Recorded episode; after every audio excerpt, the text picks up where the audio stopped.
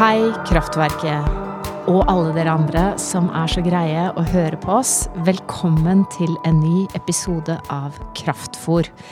Her møter vi folk i Kraftverket som Kjetil, som er pastor her, og jeg, Maria, har lyst til å bli kjent med. Og i dag har vi ingen ringere enn Ragnhild Misje med oss. Legestudent på første semester, sørlending, utrolig blid. En vi begge har hatt lyst til å bli kjent med. Og så har vi to spalter. Og eh, dette er eh, onsdag, den første onsdagen vi har åpen kirke. Så når dere hører dette her, så har vi gjennomført det. Kirka er rigga og klar til å være åpen på onsdager. Da vil jeg også si hei til deg, Ragnhild. Først og fremst gleder meg til å snakke med deg. Men før du eh, slipper til, så må vi få høre, Maria. Hva er det du leser akkurat nå for tida? Ja, det jeg tenkte jeg skulle fortelle dere om i dag, er noe jeg har lest som jeg tenker jeg burde lese om igjen, men det var en så utrolig fin opplevelse første gang jeg leste den, at jeg har nesten ikke turt å lese den igjen. Men jeg vil anbefale den hjertelig og varmt. Ikke turt fordi det blir nedtur? At den ikke er så god egentlig? Ja, ja, det er derfor jeg ikke tør, ja. ja. Eller det var veldig eh, det, Jeg ble veldig berørt da jeg leste Christian Lundberg og 'Alt skal være kjærlighet'. Første gang for to år siden, tror jeg. Christian Lundberg. Aldri hørt om. Nei, det hadde ikke jeg heller. Jeg, jeg, fikk den i julegave, og eh, hadde den liksom sånn eh, på backburner. La den litt på hylla på is.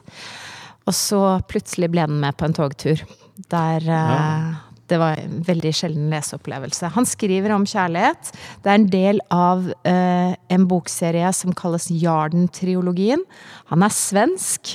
Sånn uh, røff, røslig arbeiderklassetype. Som mm. skriver fra et punkt som veldig lite litteratur i liksom velstående middelklasse Skandinavia skrives fra i dag, da. Uh, akkurat denne boka handler ikke om hvordan det er å arbeide med uh, ja, på lekteren ned på havna i Malmö, som den andre boka handler om. Men denne boka handler om kjærlighetsforholdet som er den store kjærligheten i hans liv, da. Ja, ja akkurat. Og alt skal være kjærlighet. Jeg tror han har blitt kristen i løpet av livet, jeg. Ja. Så dette er det en roman, eller er det, er det sakprosa? Nei, det er roman. Det er en roman. Ja, akkurat. En eh, roman av den typen som ligger tett på livet, tror jeg, til ja. forfatteren. Men det er ikke så viktig. Det er jo boka som er en egen verden du kan stige inn i. Ja, jeg ser du har den foran deg. Er, den er blå og fin, og så er den akkurat passe tynn. Den er veldig god størrelse på, altså. Ja. Den går ja, den 130 sider. Ja. Lettlest. Jeg har lånt den bort til et par andre. Som uh, har uh, levert den tilbake med litt sånn understrekninger og personlige uh, erfaringer. Og det syns jeg er så fint med bøker, når man liksom kan sende de rundt, og de kan bli som felles. Mm. Så Christian Lundberg og 'Alt skal være kjærlighet', oversatt fra svensk, på Flamme forlag, anbefales varmt. Da kan hende at jeg stikker av med den når vi er ferdig her, og låner den uh, litt. Vi får se. Kanskje Ragnhild tar det. Ragnhild Misje. Så hyggelig å se det, som vanlig. Hva du, hva du har lest siste tida, borte fra medisin... Eh, stu, eller studiebøkene fra medisin? Ei bok? Uh, ja, jeg leste eh, Linda Knausgårds uh, siste bok. Som jeg i farten ikke husker hva heter. 'Oktoberbarn'. Og, ja, Har du lest den? Mm, jeg leste den nå i påska. Ha. Og den var, den var, veldig, veldig fin. Ja. Veldig trist, men Eh, jeg, som dere sa, jeg studerer jo medisin eh, og har studert psykologi. Eh, og det er en veldig sterk beretning fra et pasientperspektiv. Så det Av og til nevner foreleserne våre at de anbefaler oss å lese romaner fordi det forbereder oss mye bedre på møte med pasienter enn det de klarer å gjøre i, i undervisninga. og da, jeg tenkte på det da jeg leste den boka, at den burde vært en sånn anbefaling for folk som skal jobbe i selv som skal jobbe i psykisk helsevern, da. Hm. Mm. Så spennende. Men for alle andre òg, så det anbefales. Du har en lesesirkel, har du ikke det, Ragnhild? Eh, jo, Eh, veldig nystarta. Ja. Ja. Det er jo mange grunner til at vi eh, kunne tenke oss å prate med deg. Vi har jo vi har googla litt da, og funnet ut at du har oppretta en organisasjon i Brønnøysundsregisteret som heter Klimabrølet. Så Ja. du virker jo veldig miljø- og samfunnsengasjert, handlekraftig. Eh, Men samtidig så viker du ikke unna for å lese og fordype deg i ting. Du er jo liksom en sånn person som jeg må innrømme jeg blir veldig, veldig nysgjerrig på. Eh, Og fortsatt ganske ung, bare noen og tjue vil jeg tippe.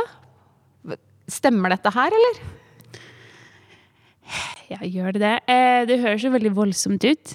Eh, sånn som klimabrølet er jo ehm, det var, altså Klimabrølet var jo en Det var jo ikke en engangshendelse, for det, det skjer nok igjen. Men opp, akkurat å opprette organisasjonen høres jo veldig voldsomt ut, men det var en veldig sånn praktisk, praktisk greie.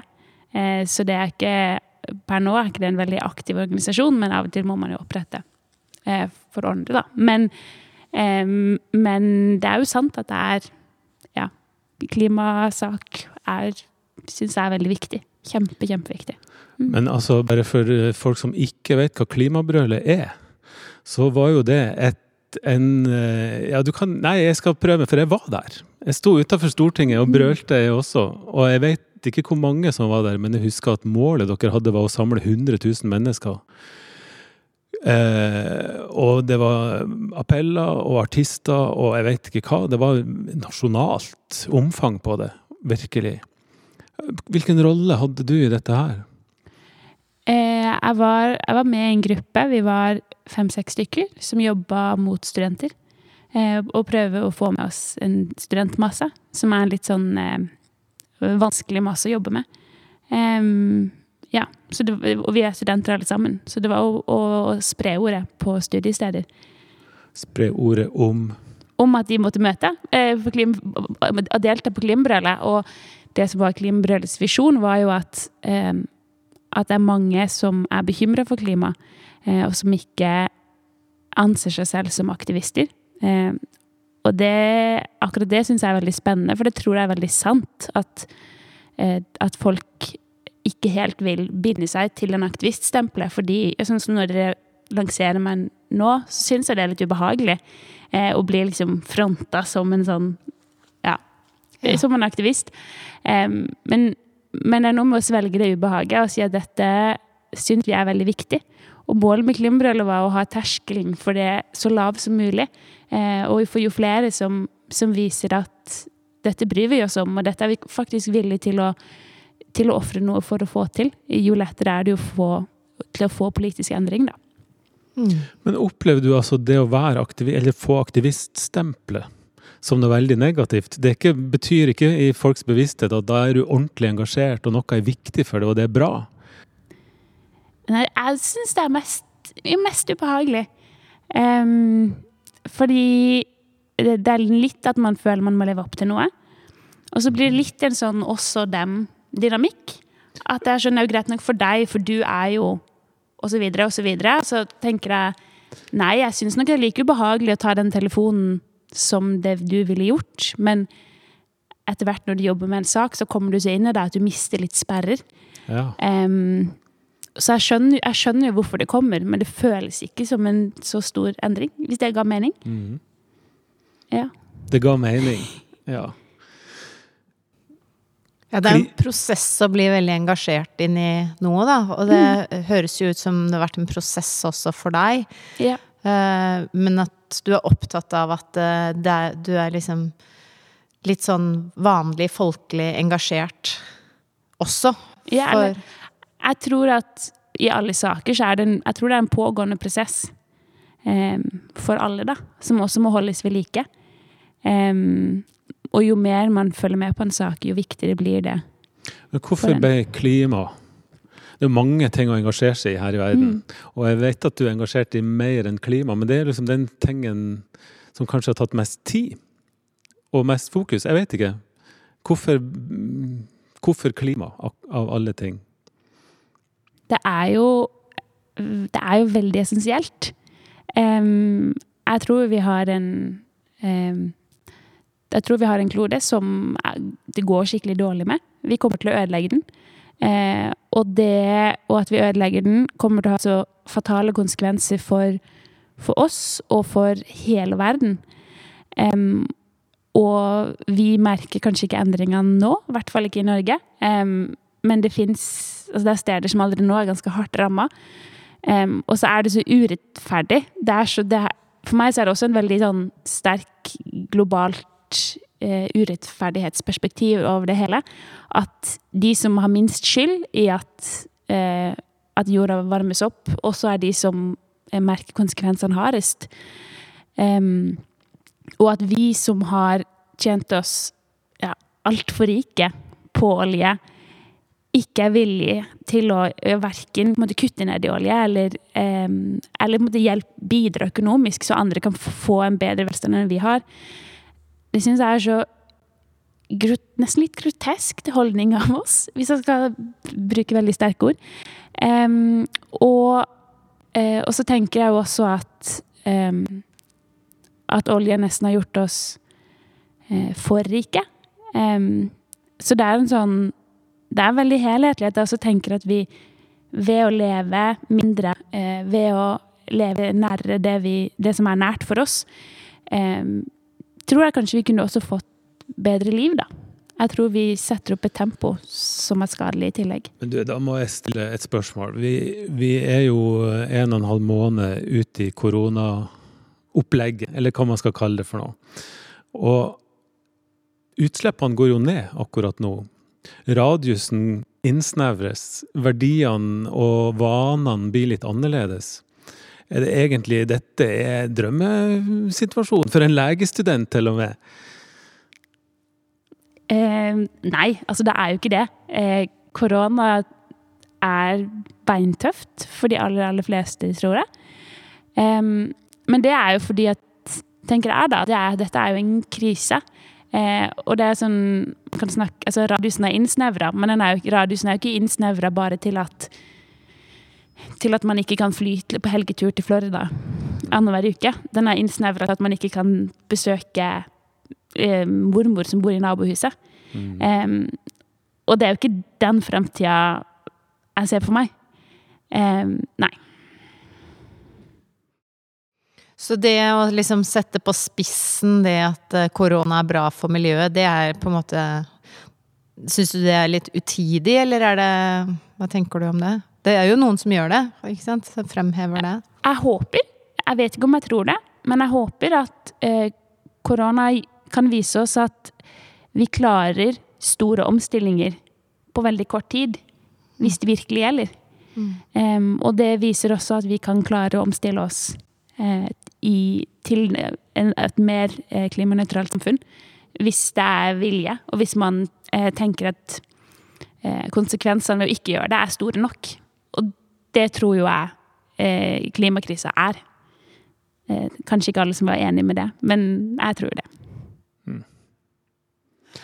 En annen ting som jeg har lagt merke til på uh, internett om deg, er at du ga en shout-out til de du bor sammen med for ikke så lenge siden, fordi de har tatt vare på deg, eller det, ja, at det, det, har vært krevende for du har jobba på et sykehjem der det har vært koronautbrudd. Kan du fortelle litt om det? Ja. Um, jeg bor i et kollektiv. Uh, egentlig uh, litt sånn kjent av Eller kjent av bekjente når vi flytta inn. Um, men, men, vi har blitt veldig tette. Uh, og vi har til felles at vi alle er uh, tidlig i 20 år, og at vi bor uh, et godt stykke unna foreldre. Sånn at i mange situasjoner så er ikke det å, å reise hjem til foreldre noe alternativ i det hele tatt. og det har jeg tenkt på mange ganger. Ja, kanskje spesielt når jeg møter de som er 19 og har flytta til Oslo for å begynne på studiet nå. Eh, og ikke kjenner noen, og bor i studenthybler. Eh, hvor takknemlig jeg er for å komme hjem til noen, eh, og at vi og ha folk som smører matpakker, eller lager litt ekstra middag, eller eh, bare sier hei, og på en måte og få luft, lufta seg. Og nå under korona så eh, så er det jo, i hvert fall for meg, så var det ganske kaotisk. Det var eh, Å jobbe på et sykehjem gikk på ganske kort tid, fra å være en ganske sånn grei deltidsjobb der man ja, hørt litt på musikk med det gamle og smørte skiver med leverpostei, til å plutselig faktisk stå foran døden mennesker som kjemper på død og liv. da. Eh, og da å ha mennesker som eh, som kan lufte på en måte Du kan lufte deg litt når du kommer ut, eller som kan si sånn 'Nå ser vi at du er sliten, skal vi se en film?' Eller, eh, eller passe på at du får i deg mat. Det høres veldig dramatisk ut. Men det er jo sånne småting, da, som Omsorg på hjemmebane. Ja, som er veldig godt, kanskje særlig når man er ja, ganske ung og, og har akkurat flyttet hjemmefra. Det var fint å høre. Du er jo eh, også medlem, eller en av oss i Kraftverket. Det er vel mest eh, Og eh, vi er jo nysgjerrig på troa di. Eh, og hvordan den henger sammen med det samfunnsengasjementet vi har hørt om, og, og, kanskje også helt spesifikt, tenker jeg, med klimaengasjement og ta vare på jorda og urettferdighet, som du har snakka om også. Um, hvordan, hvordan, er sammenhengen mellom uh, troa di og, og disse um, sakene du er engasjert i? Ja, um, jeg tenker at Jeg tenker at det tyd, noe av det tydeligste i Bibelen er at alle mennesker er like mye verdt. Eh, fordi hele vår verdi, ligger i at Gud har skapt oss. Eh, og hvis vi virkelig skal ta inn over oss det, eh, så kan vi ikke akseptere at vi lever med så ulike vilkår som det vi gjør. Og da tenker jeg at de som har fått eh, mye, har en plikt til å, å prøve å utjevne forskjellene, så alle får eh, Så vi deler på de godene vi har. Eh, og så tenker du at vi har fått en oppgave i å forvalte jorda. Eh, og Gud har ikke bare skapt mennesker. Han har også skapt dyr og planter. og vi skal være forsiktige med å, med å ødelegge da, skaperverket. For det er jo det vi til en, til en viss grad gjør. Jeg vet jeg vet ikke om jeg kjenner så mange, men jeg vet om en del folk, kristne, som nettopp fordi de er kristne, sier at jeg gidder ikke å engasjere meg i klimasaken, fordi alt er jo forgjengelig, og Jesus skal komme igjen. Og, sånn at uh, dette går sin gang uansett. Hva vil du si til de? Du sa det for så vidt nå, men uh, hva tenker du om sånne holdninger? Um, ja, hva tenker man om det? Uh, jeg tenker at jeg tenker at vi vet ikke når Jesus kommer igjen. Det eneste vi eh, vet, er at vi lever nå, eh, og at mennesker lider nå. Og ja, som jeg sa, så handler klimasaken mye om Det henger mye sammen med urettferdighet for, for folk som lider nå, og for fremtidige generasjoner. Og det eneste vi vet med sikkerhet, er at vi må, kan prøve å forvalte det, eh, så vi får minst mulig urettferdighet. Men eh, kirka, da? Og da tenker jeg ikke bare Kraftverket eller Frikirka eller Den norske kirke, men kirka som sådan. Hva slags plass tenker du at vi burde ha i den samfunnsdebatten som er? Og, og sånn som jeg hører det, da, så er det på en måte to spor, da. Én ting er, er urettferdighet. Eh, som det på en måte går an å Eller nest, hvis jeg skal mene noen ting sjøl, så mener jeg at det går ikke an å godta urettferdighet og forskjellsbehandling og alt dette her. Men, men eh, det kan en jo snakke ganske generelt om, også fra et kirkelig perspektiv. Og Jesus som alltid tar de svakes side, osv. Men i hvor stor grad tenker du at kirka burde gå inn i enkeltsaker, da, som en tenker at konsekvensen kanskje blir urettferdighet? Altså oljeboring i Lofoten, da. Skal kirka mene noe om det, eller skal en holde fred og snakke om urettferdighet? Det syns jeg er kjempevanskelig. Um, fordi jeg vet jo hva jeg mener, um, og jeg um, Det er jo ikke sånn at jeg er opptatt av eh, samfunnssaker fordi jeg er kristen. Eh, men jeg er kristen og er opptatt av samfunnssaker, og de, eh, de går inn i hverandre. Men så tenker jeg at kirka er nødt til å ha det fokuset at Gud alltid er større. eh, og nåden alltid er større. Og at i kirka skal det være rom for absolutt alle. Og hvis kirka går for hardt inn i enkeltsaker, så kan andre føle seg utstøtt og miste fellesskapet til kirka. Og det er jo på mange måter enda mer alvorlig enn eh, en enkeltsaker. Samtidig som jeg tenker at kirka også har et ansvar for å snakke for den svake part. Så ja, jeg er glad jeg slipper å ta det valget. du som skal bli biskop en dag, eller noe?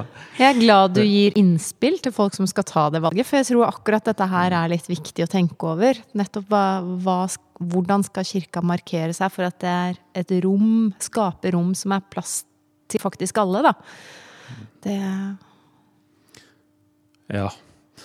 De innspillene trengs. Men jeg, jeg lurer litt på, da, eh, Ragnhild. Du du har et sterkt samfunnsengasjement, og du har eh, et, en sterk kirketilhørighet, eller trostilhørighet, sånn som jeg leser det, da. Eller hører det. Eh, og jeg lurer litt på hvor du har hvor, Hvordan har Eller hvor starta du hen? Altså, jeg vet jo at du har prestepappa og organistmor. Mm. Eh, og helt sikkert av, bare av den grunn, av dine omgivelser, har blitt betrakta som en sånn kirkemenneske i oppveksten eller når du var barn. Eh, sånn at da innbiller jeg meg kanskje at da har det, det kirkelige og trusmessige vært der hele tida. Og kanskje det samfunnsmessige kommer etter hvert. Eller er det ikke sånn? Åssen har det der vært? Nei, det kan nok stemme, det. Um, absolutt vært en, blitt sett på som en kirkegjenger. Eh, og absolutt vært en kirkegjenger. Um, men uh, Maria sa du sa jeg var sørlending, uh, og det stemmer. Uh, men Men jeg vokste ikke opp Jeg vokste opp i Tvedestrand, som um, ikke egentlig er en del av bibelbeltet. Um, Sånn at I hvert fall ikke jeg, da jeg vokste opp. Eh, sånn at jeg vokste opp med, en, ganske, med ganske, få kristne. Hadde, hadde veldig få kristne venner før jeg ble 20, egentlig. Um, sånn at selv, så selv om jeg ble sett som en kirkejeger, um, så var jeg, jeg var på en måte ikke en del av det store, en sånn stor kirkemiljø der ting fløyt helt naturlig. Da. Jeg har alltid veksla mellom å, å, gå i kirka har vært en helt naturlig ting, å være kristen har egentlig vært en helt naturlig ting. Men så har jeg også hatt en stor arena der jeg, jeg har fått motstand på hva jeg tror på. Um, og det tror jeg har gjort at, um, at troen har blitt veldig min egen. At jeg, jeg, har blitt stilt så mange spørsmål, og jeg har hatt så mange spørsmål um, og hatt mulighet til å stille spørsmål. Uh, sånn at eh, Hvis folk spør meg hvorfor jeg er kristen, så er det, så er svaret at, eh, at jeg tror det er sant. At uansett hvordan jeg snur og vender på det, så tror jeg at det er sant. Um, ja. Men da eh, har du ikke underveis da, Du sier du har hatt, eh, hatt mange rundt deg som har utfordra trua di. Og så har trua di blitt din egen. Eh, underveis der, har du ikke vært redd for å miste trua di da? Mange ganger. Mm -hmm. eh, og ja, stadig vekk. Eh. Men da lurer jeg på, for kraftverket, der er jo akkurat den veien der, den har vært en verdi i seg sjøl nesten i 20 år.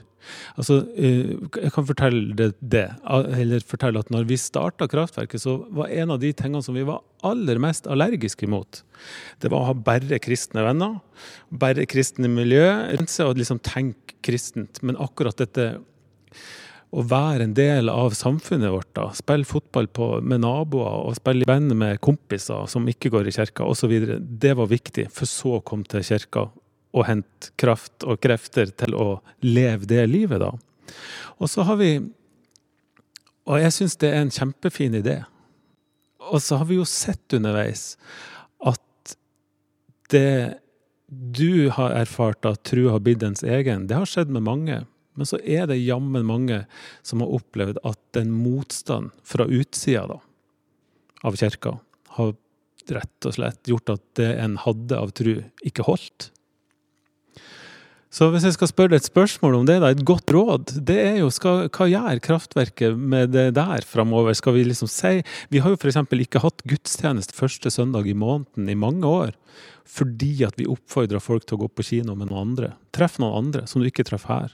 Prøv å få de med deg neste søndag igjen. Skjønner du? Hva tenker du om den taktikken der, eller den verdien som vi har der? Er den drist, for dristig? Jeg syns jo den er veldig fin. Um, jeg tror helt oppriktig at det er sunt å ha, uh, å ha ikke-kristne um, miljøer å være i. Um, fordi, fordi, det utfordrer det, og fordi det tvinger deg til å tenke gjennom at dette er viktig for meg, og dette, dette er ikke viktig for meg. Og, og når, hvis Gud finnes, så må vi bare stole på at han, han er en sterkere kraft. Um, men så tror jeg også det er viktig å ha et fundament å kunne hvile seg i, og kunne ha noen å gå til. Um, og sånn som for min del, da, så har det jo ikke vært sånn at Jeg har jo ikke vært kristen helt aleine. Eh, jeg har jo hatt foreldre og søsken, og også venner, eh, og, og en menighet, selv om den kanskje var liten, som, der det fantes mennesker å snakke med, da. Mm. Um, så hvis man klarer å ha begge deler, rom for begge deler, så, så, tror jeg det er bra for oss, og jeg tror det også er helt nødvendig for, å, um, for at kirka skal eh, overleve. Da. For det er sånn den kan nå ut nye steder. Men Da høres det jo ut som at de kristne eh, nettverket du har hatt rundt deg, da, har tålt motstand? Har tålt spørsmål? Ja, men det er jo helt essensielt. Det er essensielt i alt, ikke bare i tro.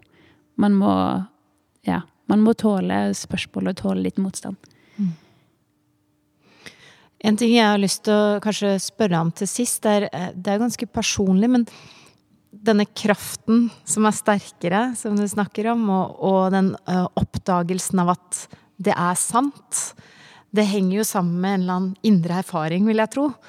Uh, kan du fortelle noe om den? Altså hvordan um, Opplever du at dette er sant?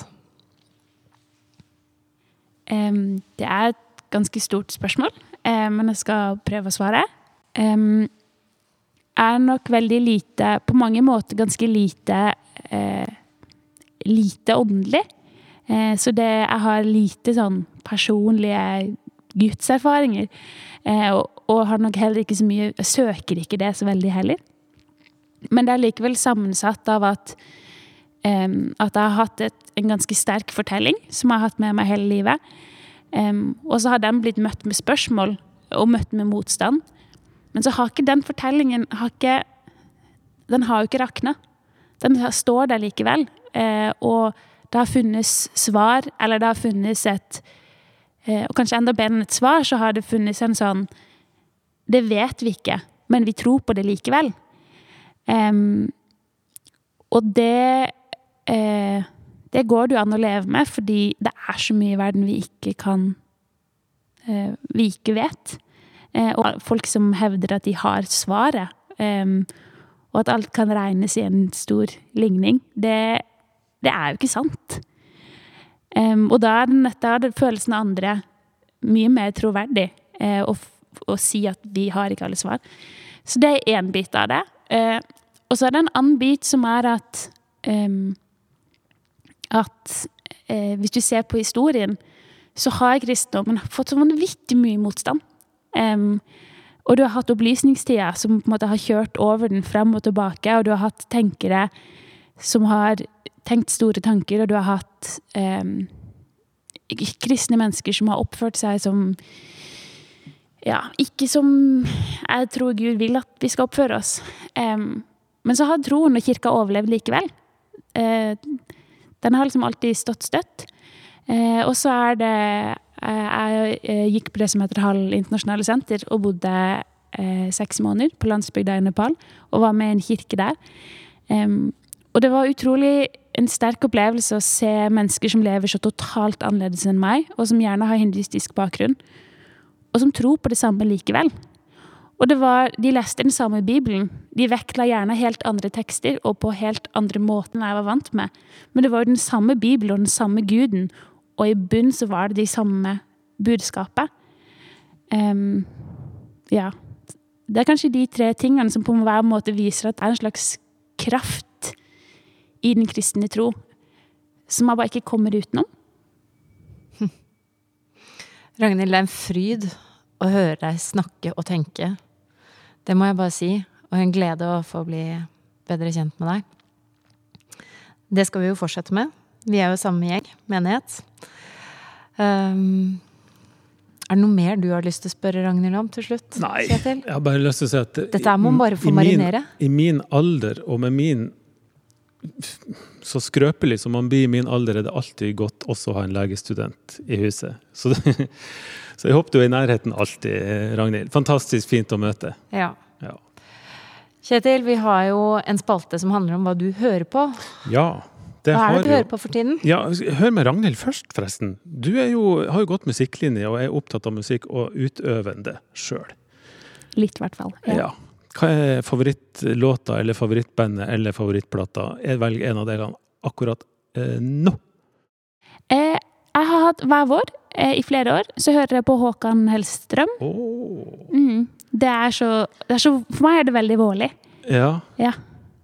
Vet du hva? Av mine topp tre konsertopplevelser så står Håkan Hellstrøm i Bergen, på en eller annen klubbscene, akkurat da han hadde gitt ut uh, 'Kjenn ingen sorg for meg' i Gøteborg. Han var helt fersk, ingen visste hvem han var. Jeg var nesten alene i, i salen, og jeg ble altså helt tatt. Ja, jeg har hørt at han er god live. Ja. ja. Men det var jo tidlig. Nå Jeg har jo blitt litt sånn visepreg. Svenske mm. Prøysen, eller noe. Så nei, han er, han er bra. Hva hører du på, Kjetil? Ja, altså, sist vi starta denne spalten, så ga jo eh, Eller hadde tre låter med tre forskjellige band som alle hadde tilknytning til Kraftverket, og som var blodfersk. Det kom mm. ut den, eh, eller forrige uke, alt dette her. Sånn at Det er litt sånn med meg, da, at eh, ja, det er gøy å oppdage nytt, men så er det òg utrolig deilig å gå tilbake og høre på musikk som har betydd masse gjennom mange år. Så det jeg har hørt på masse denne uka, det er ei av mine favorittplater gjennom tidene. Og det er Radiohead si skive som heter In Rainbows, som kom i 2007. Og den blir jeg ikke ferdig med. Den, der er det noe nytt å oppdage hele tida. Og Radiohead har vært et viktig band for meg. De, de starta Altså, når jeg var ung og det er jo 200 år siden, men da, da grunchen kom på begynnelsen av 90-tallet, med Nirvana og Soundgarden og alle disse her, mm. så kom Radiohead med en låt som heter Creep. Den ble veldig veldig stor, og så tenkte du at ja, Radiohead det er en sånn, enda et sånn grungeband som snart tar livet sitt. Men så går det tre-fire år, og så kommer OK Computer, eller OK Computer, som de sier i utlandet. OK. Ja som viser at dette er jo et, et kunstrockband hvor taktartene skifter og instrumenteringa er helt uh, vill. Og så er det samtidig veldig tilgjengelig. På OK Computer så er det helt sikkert mange refreng og mange låter som alle, dere, dere òg i hvert fall, men nesten hele verden kjenner og kan nynne til. For det, er, det traff med å være så melodiøst og, og fint, samtidig som det er litt galskap da, i arrangementene og i måten de har gjort det på. Og så går det flere utgivelser etter det, da, hvor de er mer kunst enn rock, for å si det sånn. Det er litt artig fartig med de, og veldig spennende, men jeg klarer ikke De, de bikker litt, for min del, da. Men så, da, ti år etter OK Computer, så kommer da In Rainbows. Som ikke er helt så tilgjengelig i starten. Var den ikke det for meg? Fordi mens låtene er, er låtene er mye kortere og liksom typisk popformat. Men veldig rare, noen av de. Eh, altså det er sånn akkordskifter. Det er litt sånn som når du pælmer en sprettball i et rom. Sånn er de akkordene. Du, plutselig så spretter den hit, og så spretter den dit, og så går det liksom veier som du ikke hadde hørt før, da. Men som er veldig typisk Radiohead. Og så er det fantastisk arrangert. Fantastisk frontfyr. Tom York. Mm. Og, eh, og så liker jeg at Ikke alltid, men jeg liker veldig godt at en plate du, Når du har hørt første låta, som har verdens kuleste bassriff, hvis noen er interessert. Og så kommer låt nummer to, som, eh, som er bare spetakkel og bråk og gitarer som, eh, som vrenger hele veien, og bare tenker OK, er det enda ei rockeplate, dette her? Og så kommer låt nummer tre, som er noe helt annet igjen rolig, fint, akustiske gitarer, og det er så vakkert. Og så kommer låt nummer fire, som starter med et trommesett, Weird Fishes, som er Du kan tenne på en landsby med de trommene der. Det er så knusketørt at det ikke er mulig. Og så begynner de å legge på stemningsting oppå der, som bare flyter og flyter og flyter, og det blir større og større. Og, er, og sånn går nå dagene, skulle du si. Sånn kommer låt etter låt. Og de i hvert fall er det sånn for meg da, at når jeg har hørt den forrige låta, så er jeg veldig klar for det neste. At den skal være akkurat sånn. Så sammensetninga der, og arrangementene, og akkordene, og Tom York som synger, det er helt fantastisk fint. Hvor mange ganger eh, har du hørt hele albumet? Tror du? Ja, eh, det er kanskje Det vet jeg ikke, hundrevis. men eh, ja, hundrevis. Jeg har hørt andre plater mye mer, faktisk. Og det er ikke litt tid før jeg, jeg liksom ble så kjent med de låtene at, eh, at det virkelig kun de. Eh, for de er ikke så tilgjengelige. De er ganske mørke i stemninga og sånt. Og så, da den kom, så kjøpte vi CD-er. Så gammel er den. 2007. Og da var det to CD-er. Disk 1 og disk 2. Jeg tror Hvis du leter på Spotify, så finner du disk 1 og 2. Nå snakker jeg om disk 1. Disk 2 den er, jeg vet ikke helt hva er for noe. Den er litt sånn Du forstår deg ikke så mye på den, eller? Nei, den treffer ikke like godt, da. Den er litt sånn leftovers, virker det som. Men, ja. men den første der, den, ja, den har jeg hørt mye, mye på. Og så liker stemninga. Det er ikke så innmari mye dur og kos, men det er vakkert likevel. Så ja, nå snakker jeg meg varm på Radiohead. Ja, men det er jeg veldig glad for, for nå vet jeg hva jeg skal høre på i kveld. Ja, for jeg tenker jo da at hvis en er litt nysgjerrig på å høre Radiohead, så vil jeg ha starta på på OK Computer. Ja. For den, vil nok mange tenke, hvis, det, hvis, Radiohead er helt sånn blankt, at ja, ja, det er den, ja. Og, og, og, det har jeg hørt, og sånt. Og så er det veldig lett tilgjengelig til dem å være, da. Og så hvis en syns at det er ok, så vil jeg ha gått videre på In Rainbows ganske kjapt. Fordi da må du tøye, tøye det litt mer, og det er litt mer interessant, syns jeg. Men Radiohead er jo store i kraftverket. De var i Spektrum for et år, kanskje to siden. Mm. Da var det jo kraftverket-bonanza eh, oppe i tribunene der, altså. Vi var mange som gikk. Og heldigvis spilte de mange av disse låtene fra In Rainbows dagens eh, anbefaling. I hvert fall en av dagens mange gleder, for min del. Gøy. Veldig gøy. Nå er det ikke lenge til vi skal åpne dørene her til gjestene som kommer. Tenk det. Nå skal vi se folk igjen, Maria. Ja, det blir fint. Ja. Veldig fint. Hvis det er noen som kommer, da. Ja. Det vet vi jo ikke. Det vet vi ikke, men vi er her. Vi er her. Og vi passer på smittevernregler og alt som er. Sånn at eh, det er begrensa antall inne til enhver tid, og det skal vaskes og kostes og ryddes og alt mulig rart underveis her. Men det er fantastisk deilig. Det er et privilegium, tenker jeg, å ha dette rommet tilgjengelig, sånn som jeg og du har, Maria. Mm. Vi kan jo gå opp hit når som helst. Her er det Det er kirke. Det er et eh, Hvis man tenker seg om, faktisk et litt hellig rom. Det er godt å være her. Og det er stillheten som fyller rommet, og gjerne sammen med andre, den, den må folk eh, få tilgang på, tenker vi nå. Det er et rom der man kan komme og be om hjelp ja. i det store intet. Var uh, Subchurch, eller ikke Subchurch, men etter Kristus, legger ut sånne bønner daglig nå. Og da tror jeg en, en av de siste jeg så der, var Herre, berg meg. Disippelen Peter som sier til Jesus når han er ute på havet og synker. Og det tenker jeg er litt sånn Dette rommet er et sånt sted, da. Der man kan komme og si den bønnen ut i det stille intet. Eller man kan spørre om hjelp og slå av en prat. Og det gjelder jo fortsatt, som vi har sagt mange ganger under koronatida, at eh, Kjetil og jeg har tid til å prate, men de som trenger noen, så finn telefonnumrene våre på nettsida vår, eller send en mail hvis dere vil ha en prat. Inntil vi snakkes og høres igjen, ta godt vare på hverandre, vask hendene, nys i albuen, og eh, ta deg en liten tur ute i den frie lufta om du har mulighet.